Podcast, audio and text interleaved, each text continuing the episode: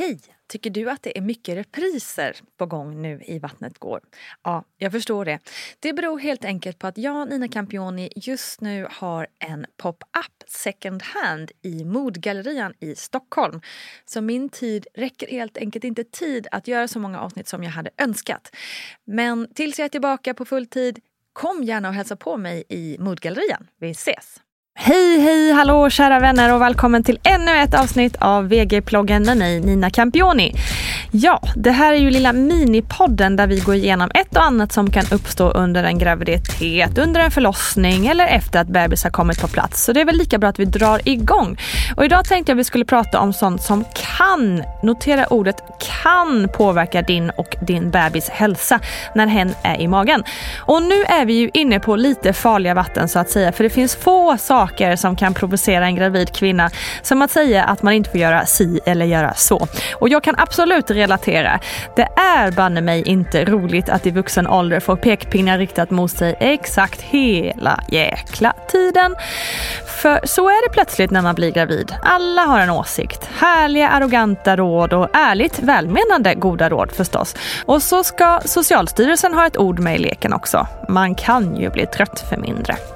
Och visst man kan känna att allt är ett förtäckt kvinnohat och att alla reglerna är uppdiktade av någon långt tillbaka för att kontrollera oss kvinnor och våra kroppar. Och jag är benägen att hålla med kring många av dessa tankar men samtidigt finns det ju saker som en kan fatta kanske inte är toppenbra. Typ rökning är ju en sån grej som man kanske känner att man inte måste protestera mot direkt. Eller vad säger ni? Men i alla fall, vi drar igenom de saker som kan påverka en graviditet negativt så får du själv bestämma hur du ser på saken.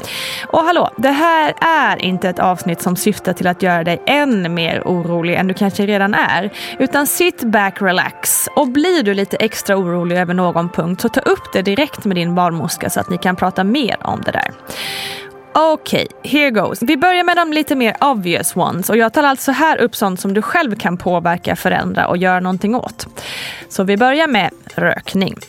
Ja, rökning. Det säger kanske sig självt att rökning inte är bra vare sig för dig eller för ditt barn. Och dessutom, det är 2020 nu, det kanske inte ens är så många som håller på med det där längre. Men förutom att det är lite störigt för oss andra som inte röker så kan rökningen påverka barnets liv i magen ganska drastiskt. Allt från att risken för missfall ökar, att barnet blir tillväxthämmat och också när barnet är fött så ökar också riskerna för att barnet ska drabbas av plötslig spädbarnsdöd. Och det kan också påverka dess centrala nervsystemet och ge allergier och astma och diabetes och fetma och så vidare. Det finns också en koppling till att barn drabbas av kolik och skriker mycket. Och fun facts med rökning. År 2014 var andel rökande kvinnor tre månader före graviditet 13,6 procent. Och vid inskrivningen på mödrahälsovården så hade den sjunkit till 5,5 procent. Och i graviditetsvecka 30 till 32 så rökte 4 procent av kvinnorna. Så det är ganska många som tar det här på allvar, minst sagt. Vi går över på alkohol. Och alkohol är antagligen den sak som debatteras kraftigast. En del tycker att vi borde tänka lite mer som de gör på kontinenten och dricka lite vin då och då. Hur farligt kan det vara liksom? Medan andra kör på den klassiskt svenska modellen, det vill säga ingen alko under graviditeten. Själv skippade jag alkohol hela vägen. Det kändes liksom rätt för mig. Ja, förutom i förlossningsdrinken då. Och om man undrar mer över det så finns det ett helt avsnitt om bara den. Men om vi ska prata allvar då så säger Gudrun Abascal så här. Skador relaterade till både kvinnan och foster under graviditeten är något som man studerat mycket. Och någon tveksamhet om riskerna med alkohol finns inte idag. Risker som missfall, att barnet blir tillväxthämmat och att barnets mentala utveckling försämras. Till till exempel att det blir en för tidig förlossning. Det här är saker som vi vet är helt klarlagt. Skadornas utsträckning är naturligtvis klart relaterad till mängden alkohol. Men då också alla faktorer spelar in är budskapet idag nollvision. Alltså ingen alkohol under tiden man väntar barn. Det är till och med så att man rekommenderar kvinnor att inte dricka alkohol när man planerar att bli med barn. Så var det med den saken. Läkemedel då? Ja, man ska aldrig ta läkemedel utan att konsultera sin barnmorska eller läkare. Och här tar man sedan hänsyn till riskerna innan beslut tas. Alltså riskerna för barnet vid medicinering och riskerna för mammans hälsa utan medicinering vägs då mot varandra. Och så har vi stress. Och här förlitar jag mig återigen på Gudrun Abascal. Det finns studier som visar att stress hos mamman påverkar barnet mer än man trott tidigare. Vad man vet är att stresshormoner påverkar kvinnans blodkärl att dra ihop sig vilket kan medföra att försörjningen av blod till barnet kan minskas. Och det finns studier som visar på ökad risk att barnet föds för tidigt på grund av stress. Man vet också att stress ger starkare sammandragningar. Och det är inte ovanligt att kvinnor berättar för mig att de varit mycket stressade och att de i samband med det kände av mycket och starka sammandragningar. Och vid oerhört höga nivåer av stress så kan barnet få inlärnings och koncentrationssvårigheter, ångest, depression och kan drabbas av emotionella störningar. Men det här gäller väldigt höga stressnivåer under en längre tid. Det är alltså ingenting som sker av så att säga vanlig oro hos kvinnan utan kraftig stress. Då har vi mat. Ja, det här är också en sån där sak som diskuteras mycket. Vilka ostar får jag äta? Varför får jag inte äta mina kära charkbryckor? Gud vilket svårt ord att uttala. För en fullständig lista på vilka fiskar, ostar och så vidare som är rekommenderade och inte finns på Livsmedelsverkets hemsida. Här handlar det också lite om inställning tycker jag. Vi väljer ofta att bli irriterade på de saker vi inte får inom situationstecken äta. Men istället kanske man bara ska fokusera på allt gott som man faktiskt kan äta utan minsta eftertanke. Det är ju egentligen långt mycket mer mat som är rekommenderat än det som man helst ska undvika.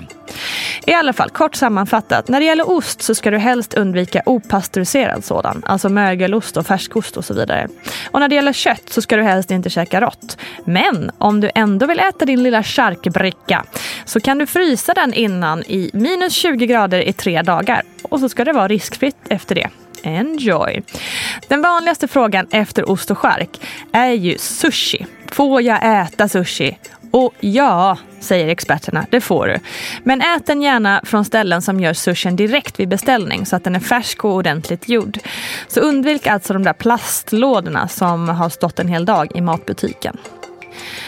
Då går vi över på några riskfaktorer som kanske inte är så otroligt självklara alltid. Och då pratar vi om de små husdjuren. Ja, även de gosiga djuren kan vara dödsfällor.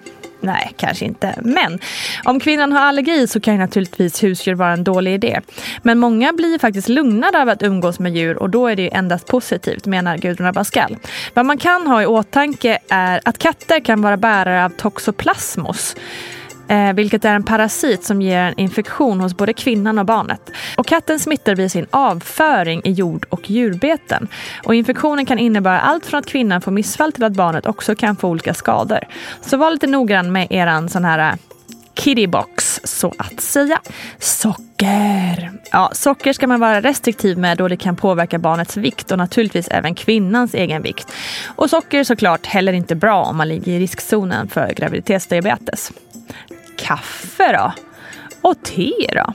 Ja, allt handlar om överkonsumtion. Och det finns studier som säger att det är både är bra och dåligt. Men det handlar om sunt förnuft. Drick med måtta, helt enkelt. Röntgen Ja, röntgen är något som måste avgöras av en läkare eftersom det är en medicinsk fråga och då måste medicinska fördelar vägas mot deras nackdelar. När det gäller röntgenapparater på flygplatser brukar man bli erbjuden kroppsvisitering istället om man föredrar det. Men flygbolagen själva säger att de metalldetektorer som du passerar är helt ofarliga för dig och ditt barn. Och det inkluderar även de stora helkroppsröntgen som man passerar till exempel om man ska resa till USA. Vikten då? Ja, vikt är ju extremt individuellt och själv gick jag upp över 20 kilo med båda mina barn och det var helt ärligt ingenting jag brydde mig det minsta om. Jag tyckte typ att det var skönt att bara släppa på utseendehetsen och bara få må bra. Och enligt Gudrun så ökar en frisk person i genomsnitt 9 15 kilo under en graviditet. Jag låg alltså lite över det, men men. Den mesta vikten ökar de sista 20 veckorna, men självklart är det skillnad mellan individer. Om man minskar extremt i vikt så ökar risken för missfall och att barnet blir tillväxthämmat, vilket innebär att barnet väger för lite för att det ska må bra. Och svält är ju en stor stress för kroppen. Energiintaget ökar för en kvinna som väntar barn och ökningen av energi sker successivt under graviditeten. Samtidigt är det bra att veta att behovet definitivt inte är så stort att man behöver inom situationstecken äta för två, som man ju ofta annars säger. Och den som har högt BMI sedan tidigare bör ha lite extra koll på sin viktuppgång under graviditeten. För risken för komplikationer ökar vid stor övervikt. Har kvinnan ett högt BMI men är noggrann med sin kost och har koll på viktökningen så minskar riskerna för komplikationer under graviditeten. Och de flesta barnmorskemottagningar har dietister som kan tillgå för rådgivning. Ja, sen finns det ju fler saker att oroa sig om, såsom sin ålder, ärftliga sjukdomar, gynekologisk historia och så vidare. Så, vidare. så nu lämnar jag dig här med ett svettband på ryggen och stress i blick. Nej då, Ta nu ett djupt andetag och känn att du inte är ensam i din oro för ditt barn och för din egen hälsa. Alla känner vi samma press, skuldkänslor och nervositet kring alla de här frågorna.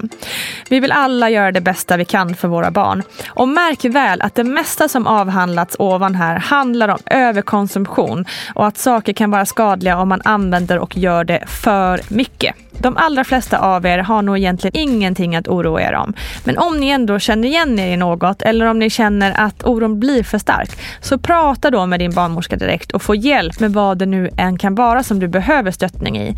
Ingen klarar allt själv och det finns ingen skam i att be om hjälp och att vara öppen med sin barnmorska är ett viktigt steg för en bra graviditet och en bra förlossning.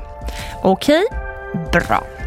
Hoppas ni får en fin dag och jag ber om ursäkt om jag skrämt upp dig nu. Det var absolut inte meningen. Kom gärna till Vattnet Gårds mammagrupp på Facebook så kan vi prata mer om de här rädslorna och oron kring de här grejerna. Kram på er!